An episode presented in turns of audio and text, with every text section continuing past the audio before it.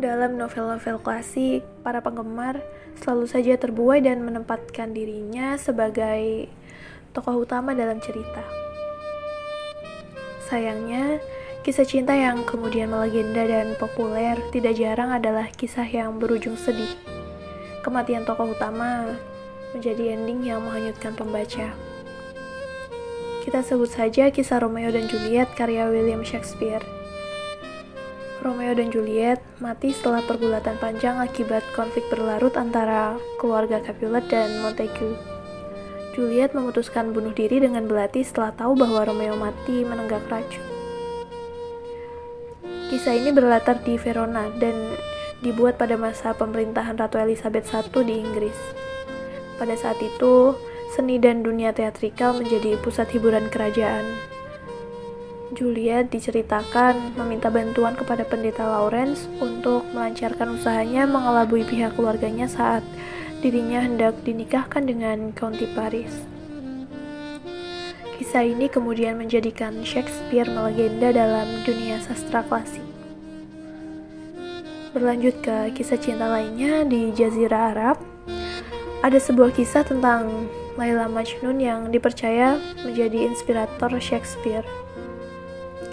Kisah ini pertama kali diceritakan dari mulut ke mulut sejak dinasti Umayyah dan diyakini didasarkan pada kisah nyata Qais, putra Al-Mulawah, penguasa kabilah Bani Amir di Arab. Qais jatuh cinta pada Laila yang tidak lain adalah teman sekolahnya yang berasal dari kabilah lain. Sama seperti kisah yang ditulis oleh Shakespeare, Kisah ini menceritakan bagaimana kemudian Laila dinikahkan dengan Ibnu Salam, lelaki pilihan ayahnya.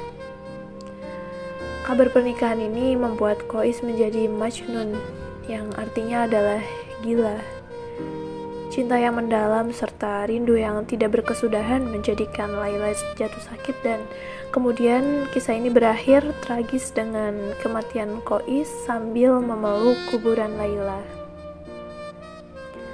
Nah, dua kisah dari belahan dunia yang kontras berbeda secara nyata memiliki sebuah kesamaan dari aspek religi.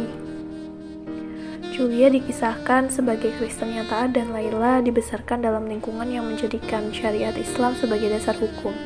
Namun nyatanya hal tersebut belum mampu menjadikan Tuhan sebagai satu-satunya sumber pengharapan. Lantas, kepada siapa kedua tokoh ini menggantungkan harap? Sepertinya penulis berhasil membuat penokohan yang mengalami kelumpuhan indera karena cinta. Hingga pada kisah ini, Tuhan tampaknya tidak cukup memiliki peran dalam berjalannya kisah cinta mereka. Layaknya sebuah pengharapan, kondisi seperti ini sebenarnya bisa dihindari ketika manusia secara sadar memahami posisinya sebagai hamba dan mempercayakan Tuhan sebagai satu-satunya tempat menggantungkan segala harapan.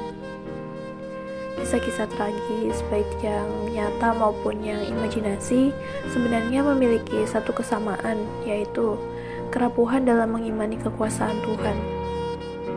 Rasa kepemilikan yang tinggi dan harapan yang terlalu besar kepada manusia pada dasarnya merupakan bumerang yang nantinya akan kembali mencambuk diri sendiri.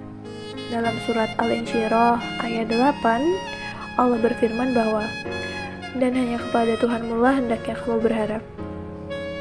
Ayat ini sungguh jelas memberi perintah kepada manusia untuk menggantungkan harap hanya kepada Allah. Sayangnya, kelumpuhan indera kala jatuh cinta sering kali menyebabkan manusia menjadi berharap pada orang yang dicintainya. Manusia kadang lupa kalau dalam rongga dada manusia terdapat kolbu atau hati, di mana kolbu itu sendiri pada hakikatnya berarti membalikkan. Maka tidak heran jika kondisi hati sering kali terbolak-balik menurut kondisi saat itu. Imam Syafi'i pernah menyampaikan bahwa ketika hatimu telah berharap kepada seseorang, maka Allah timpakan ke atas kamu pedihnya sebuah pengharapan, supaya kamu mengetahui bahwa Allah sangat mencemburi hati yang berharap selain Dia. Maka Allah menghalangimu dari perkara tersebut agar kamu kembali berharap kepadanya. Jangan heran ketika pengharapan yang pupus kerap berujung sedih. sakit hati yang berkepanjangan, stres, melemahnya fungsi jantung, hingga depresi yang berujung bunuh diri. Semuanya adalah hadiah atas perkara harapan yang ditumpukan pada hati manusia. Diakui atau tidak, Allah menyayangi hambanya dengan caranya sendiri.